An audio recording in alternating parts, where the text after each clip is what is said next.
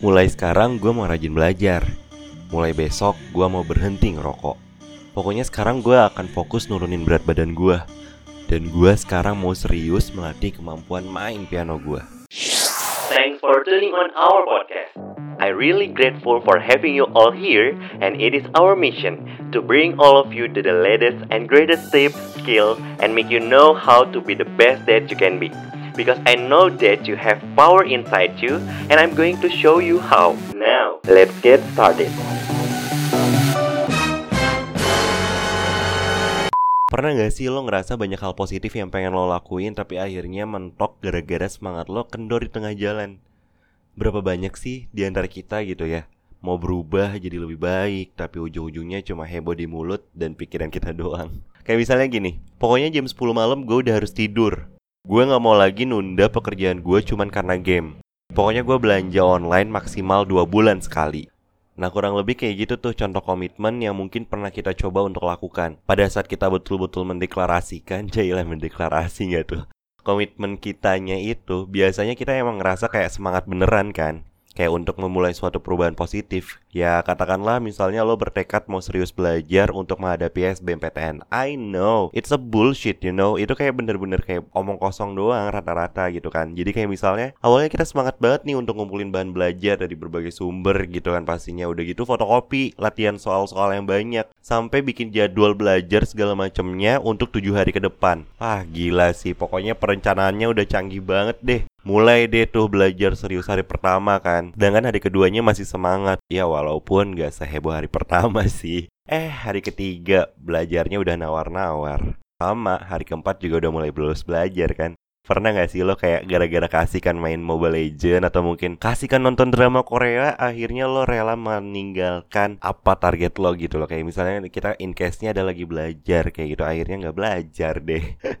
Dan begitu pun terjadi sama di hari kelima Mulai tuh cari-cari alasan supaya belajarnya besok aja ah, besok aja ah. Terus akhirnya hari ke-6 ada temen tuh ngajak nongkrong Mentang-mentang malam minggu ya kan? Sabi juga lo dan akhirnya lo lupa deh kalau udah masuk di hari ke-7 Dan lo udah lupakan segala tekad dan semangat yang udah lo himpun sejak awal dari awal minggu pertama ya Wah gila sih, pernah gak sih lo ngerasain mengalami hal seperti itu? Tebakan gue sih hampir semua remaja juga udah pernah ngalamin ya naik turunnya semangat belajar gitu kan. Termasuk diri gue sendiri. Dulu, tapi sekarang juga masih sih.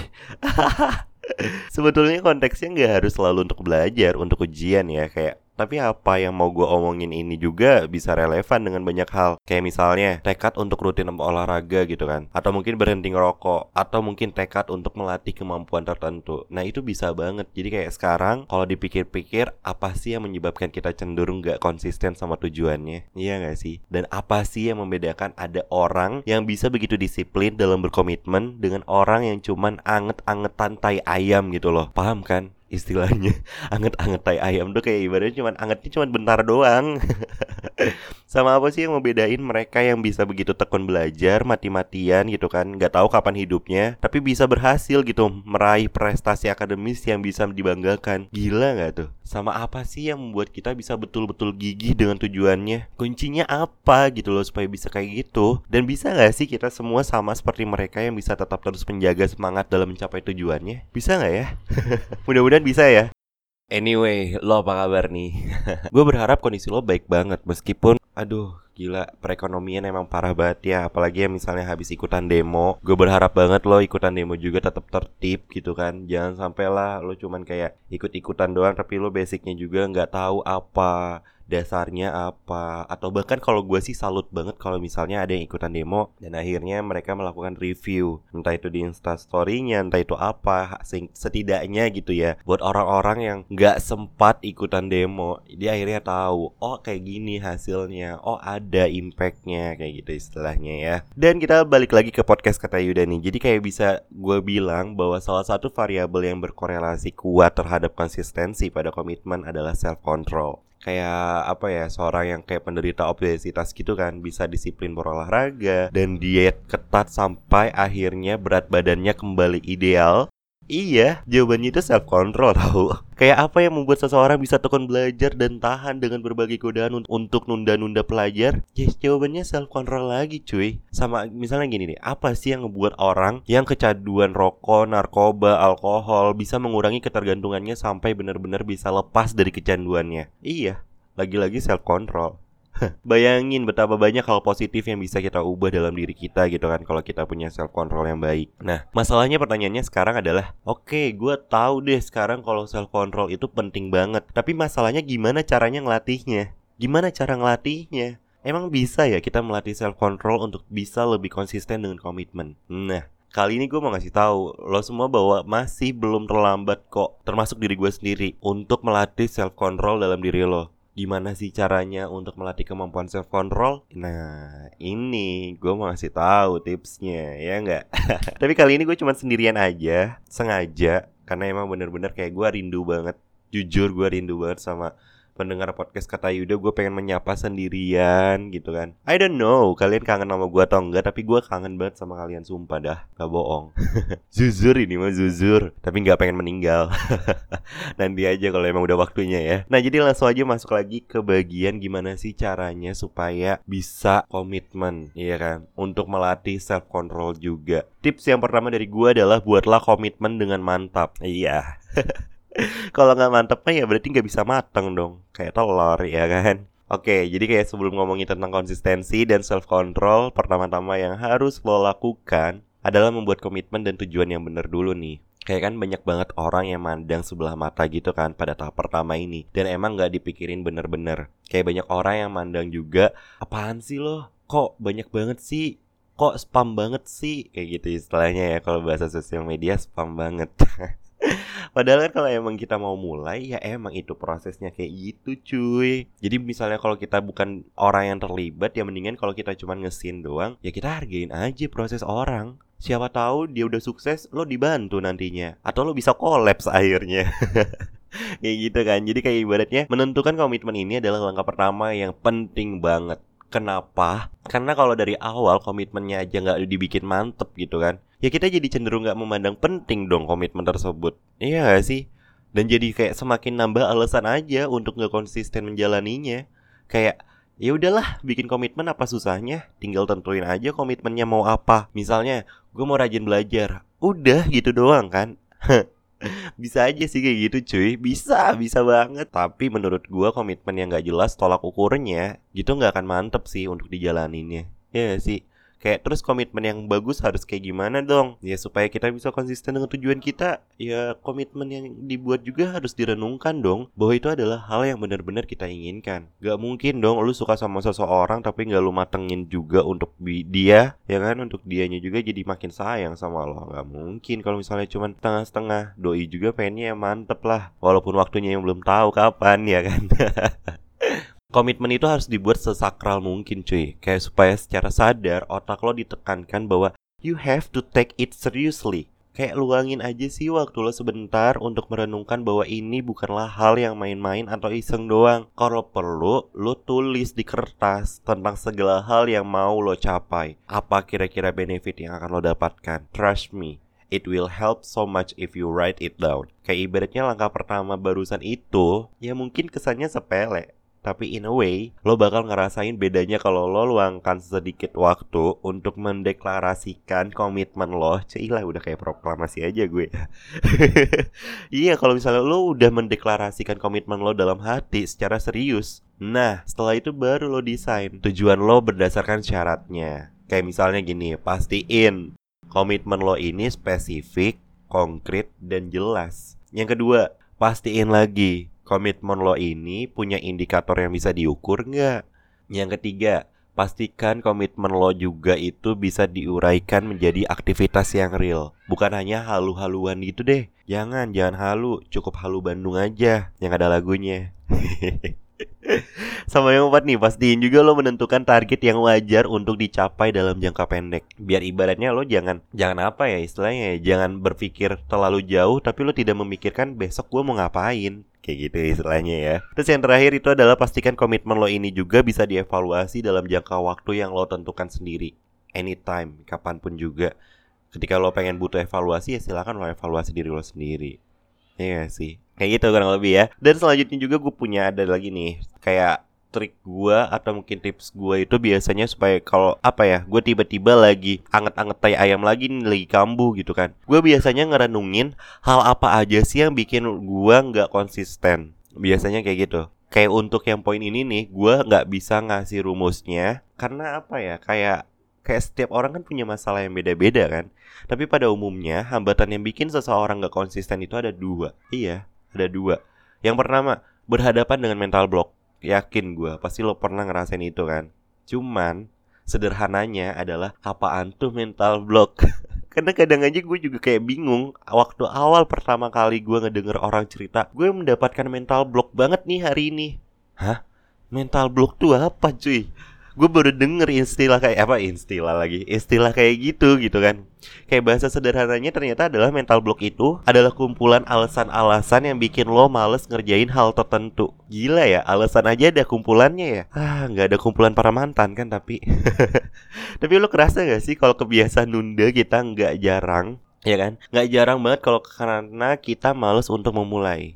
Males banget Sebetulnya mungkin untuk benar-benar ngerjainnya itu nggak masalah. Tapi ada sesuatu yang menghambat kita untuk sekedar mulai untuk ngerjain hal-hal yang relevan dengan tujuan kita gitu kan. Gue kasih contoh pengalaman temen SMP gue dulu. Dulu waktu gue SMP gue punya satu temen yang bermasalah dengan obesitas Alias dia emang rada kelebihan berat badan lah gitu istilahnya ya. Dan dia sadar bahwa obesitas itu nggak sehat Menghambat aktivitas dia juga. Dan bahkan dia udah ngerasa kalau dia nggak pede dalam penampilan kalau urusannya diet, dia bisa mulai kayak ibaratnya disiplin untuk batasin makanannya yang berkalori tinggi. Itu keren sih, keren banget. Tapi kalau udah urusannya sama olahraga, dia tuh males banget hanya untuk sekedar mulai olahraga. Wah terus gimana dong? Singkat cerita akhirnya dia mengubah mindset dia Bahwa olahraga tuh bukan berarti harus datang ke gym Sama sekali enggak Kayak ibaratnya enggak harus kayak gitu juga Kayak dari situ juga dia mulai konsisten olahraganya di rumahnya dan berhasil tuh menurunkan berat badan dengan cukup drastis dalam beberapa bulan. Bahkan temen gua itu yang SMP udah jadi polisi cuy. Keren kan? Ah, itu tuh adalah salah satu contoh bagaimana kita bisa mengatasi mental block dalam mencapai tujuan. Sekali lagi, masing-masing orang beda-beda ya mental blocknya. Jadi lo renungin sendiri apa yang ngehambat lo dan harus cari dengan akal sendiri untuk ngatasinnya. Iya kan? Gak mungkin lah lu yang punya masalah gue yang nyelesain. Atau gue yang punya masalah lu yang nyelesain masalah gue Kan gak mungkin. Kalau untuk ngebantu mungkin. Tapi kalau untuk nyelesain ya harus diri lo sendiri. Kurang lebih kayak gitu ya. Anyway, kalau misalnya lo lagi kangen yang namanya makan dimsum atau mungkin cireng kayak gitu kan, atau bahkan lo lagi pengen banget, aduh gue pengen punya tas baru, ransel baru, ya motifnya itu kayak unik gitu, anti mainstream, pokoknya gue harus stylish lagi gitu kan dengan menggunakan masker gue ketika gue lagi keluar gue tetap safety juga apalagi masih pandemi covid-19 ini gitu kan atau bahkan ternyata lo lagi pengen yang namanya susu kurma Wah gokil itu semua manfaatnya susu kurma tuh baik semua pokoknya ya. Terus lu bingung mau beli di mana? Semuanya itu mau beli di mana gitu kan? Nggak usah bingung cuy. Lu tinggal langsung aja buka Instagram lo dan lo langsung cek di @lifehelper.shop semuanya ada di situ. Apa yang lo mau? Mau dimsum ada mau cireng ada mau tas atau mungkin ransel juga ada atau bahkan lo pengen masker yang lucu-lucu gitu kan yang dengan motif tie dye-nya juga atau bahkan kayak motif yang ada batik-batiknya atau bunga-bungaan kayak gitu kan. Bisa banget lo langsung aja cek Instagramnya sekarang juga pokoknya ya. Dan kita langsung balik lagi ke podcast kata Yuda kalau sebelumnya adalah mental block, sekarang yang kedua itu biasanya kehambat karena perhatian yang teralihkan oleh distraction. Iya, salah satu hal yang paling sering banget ngehambat kita untuk bisa konsisten adalah adanya gangguan yang mengalihkan perhatian kita. Misalnya seorang mahasiswa yang lagi berkomitmen untuk ya ujian atau mungkin sidang akhir atau mungkin lagi skripsian gitu kan. Yaitu distractionnya adalah main game online atau bisa juga jadi sosial media atau bisa juga distractionnya adalah ajakan teman-temannya yang selalu ngajakin nongkrong sampai larut malam. Godaan banget kan? Apalagi lo lagi ngerantau. Bingung di kosan mama siapa. Yang mendingan nongkrong. Eh akhirnya lupa deh sama tuh skripsi ya kan? Nah sekarang tinggal gimana lo? Bisa bertindak tegas Yang membuang distractionnya yang bikin lo nggak konsisten sama komitmen lo? Atau lo mau ya udah gue menye-menye aja. Hmm. Nah ada tuh tapi kalau itu balik lagi masalahnya sampai seberapa besar sih lo menghargai komitmen dan tujuan yang lo capai gitu lo istilahnya kan? Apakah tujuan lo itu memang beneran penting? Kalau emang penting seberapa pentingnya tujuan dan komitmen lo itu sampai lo rela mengorbankan hal-hal yang udah jadi kebiasaan lo sehari-hari? Jawabannya ada di dalam diri lo sendiri ya Dan disilahkan diputuskan sendiri. Karena emang berat cuy. Gila kayak rindu aja ya berat. Dilan dong. Yang ketiga fokus untuk berkembang secara bertahap. Mulai dari hal yang kecil dulu aja kali ya. Kayak ibaratnya mencoba mengubah diri menjadi lebih baik itu hal yang berat untuk dilakukan. Bener, kayak perlu kedisiplinan, konsistensi, dan juga self control yang baik. Tapi masalahnya gini, sering kali kita mengawali segala bentuk komitmen dengan semangat 45 Iya kan? Semangat 45-nya itu terus langsung fokus ke hal-hal yang gak realistis. Jadi semangatnya itu halu cuy, halu banget dah loh, gila beda kan realistis sama kayak haluan-haluan kayak gitu tuh beda banget bukan haluan ke kanan ya bukan haluan ke kiri juga jadi kayak abstrak aja gitu ngawang-ngawang tanpa arah yang jelas. Ih gila kayak contohnya gini nih. Kalau lo mau berkomitmen untuk menciptakan grup band misalnya gitu kan. Dan punya cita-cita jadi gitaris terkenal dalam lima tahun ke depan. Ya lo jangan belum apa-apa lo langsung ajakin teman-teman bikin band, sibuk bikin lagu ciptaan sendiri, terus langsung aja kayak ibaratnya berusaha masuk dapur rekaman buat bikin album sama teman-teman lo. Kalau belum apa-apa ya lo maksain dong langsung bersaing. Ya kualitas lo akan kebanting lah sama para musisi pro yang udah jauh lebih berpengalaman. Ya kan? Jadi daripada lo sibuk dengan upaya sporadis kayak gitu, ya mendingan lo pastiin dulu deh kemampuan bermusik lo emang udah bener-bener pantas kayak gitu istilahnya kan. Atau coba lo latihan hal-hal mendasar dalam bermusik dulu dari pastikan lo lancar baca not baloknya dulu cari apa sih kayak ibaratnya kayak cara metik gitar yang benar pastikan juga lo menguasai teknik-teknik dasarnya. Jangan main lagu yang itu-itu lagi jangan masuk ke kunci yang itu-itu lagi. Tantang dong diri lo de keluar dari comfort zone untuk mencoba materi yang lebih sulit Gokil nggak bahasa gue? Comfort zone nggak tuh? Iyalah, lo harus coba tantang diri lo untuk memulai dengan hal-hal sederhana banget Sampai lo nggak ada alasan lagi untuk males melakukannya Jadi kayak apa ya? No caption word lah asik. No word caption apalah itu istilahnya ya. Jadi kayak ibaratnya nggak ada kata-kata yang bisa mengungkapkannya. Jadi kalau udah keluar dari comfort zone Baru deh lo coba mulai progres bertahap secara konsisten. Misalnya dengan mulai rekaman Lo mainin lagu-lagu populer Kayak ibaratnya cover lagu gitu ya. Di upload tuh terus di upload ke Instagram atau ke Youtube. Dan lo langsung lihat gimana respon dan evaluasi dari orang-orang. Bikin YouTube channel lo berkembang, tingkatin popularitas channel lo secara bertahap kah? Kayak gitu istilahnya ya. Nah, langkah kayak gitu juga kan akan jauh lebih mendukung konsisten dalam diri lo sendiri. Kenapa Yud? Kenapa? Tanya pendengar podcast kata Yuda. Kenapa? Karena dengan memulai langkah-langkah awal yang sederhana dan secara bertahap, lo bisa punya motivasi dan kepercayaan diri untuk terus konsisten dengan komitmen lo. Coba nih, kayak kita catat apa aja sih hal-hal positif yang kita dapat dengan proses bertahap gitu istilahnya kan. Kita coba sesuaikan dengan contohnya. Kayak misalnya kalau misalnya tadi contohnya adalah kita grup band. Jadi kayak kita catat nih hal positifnya apa. Yang pertama, dengan upload progres lo ke Instagram atau YouTube, Artinya lo memulai dengan hal-hal sederhana yang emang beneran realistis bisa lo lakukan dengan akses yang terjangkau. Ya gak sih? Yang kedua, hal positifnya itu adalah lo bisa terus melihat progres lo seiring dengan bertambahnya banyaknya sounds atau video yang lo upload. Dengan melihat progres secara bertahap, lo jadi semakin terpacu untuk terus konsisten karena tanpa sadar create an environment where self control is consistently rewarded. Iya, jadi lo kayak membuat lingkungan lo sendiri di mana self control itu adalah bentuk penghargaan dari konsisten lo itu gitu loh kalau menurut gue sih kayak gitu jadi lo tetap bersyukur jailah bersyukur nggak tuh bahasanya. Yang ketiga lo mendapatkan konstan feedback. Ya feedback yang konstan dan evaluasi dari orang-orang terdekat dengan peningkatan performa lo. Terkadang to have someone who expect something from you itu bisa memacu diri lo untuk terus berkembang secara konsisten. Untuk bisa meningkatkan kepercayaan diri itu nggak bisa instan. Mie instan aja kayaknya nggak instan instan banget sih. Harus rebus dulu kan harus di, dibuka dulu bumbunya lagi gitu kan. Jadi nggak ada yang instan cuy di buka bumi ini. Nggak ada. Mau cantik aja harus make up dulu gitu kan istilahnya. Nggak instan kan jadi cantik. Atau mau ganteng aja harus istilahnya pilih baju yang wokeh dulu gitu kan. Nah itu nggak instan kan. Tapi harus secara bertahap. Diiringi bukti pengakuan dari orang lain bahwa lo itu memang pantas untuk layak percaya diri. Mantep gak tuh Oke deh, itulah kurang lebih tiga tips dari gue untuk bisa melatih self control dan memacu kita untuk terus bisa konsisten. Gue berharap banget pastinya lo bisa langsung menerapkan semua yang sudah kita diskusikan ya. Mungkin gue yang ngomong, tapi gue berharap lo menyimak sampai habis. Walaupun mungkin terkadang gue kayak agak ngegas-ngegas dikit gitu kan. Ya, demi kebaikan kita bersama kenapa enggak sih?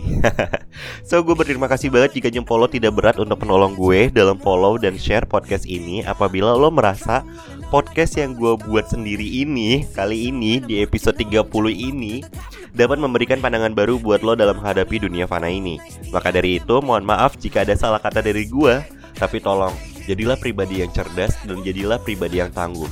But you have to remember please keep your health. Karena jika lo sakit lo bukan siapa-siapa dan lo bukan apa-apa. Yuda pamit, sampai bertemu di episode selanjutnya. And chaps, bye-bye.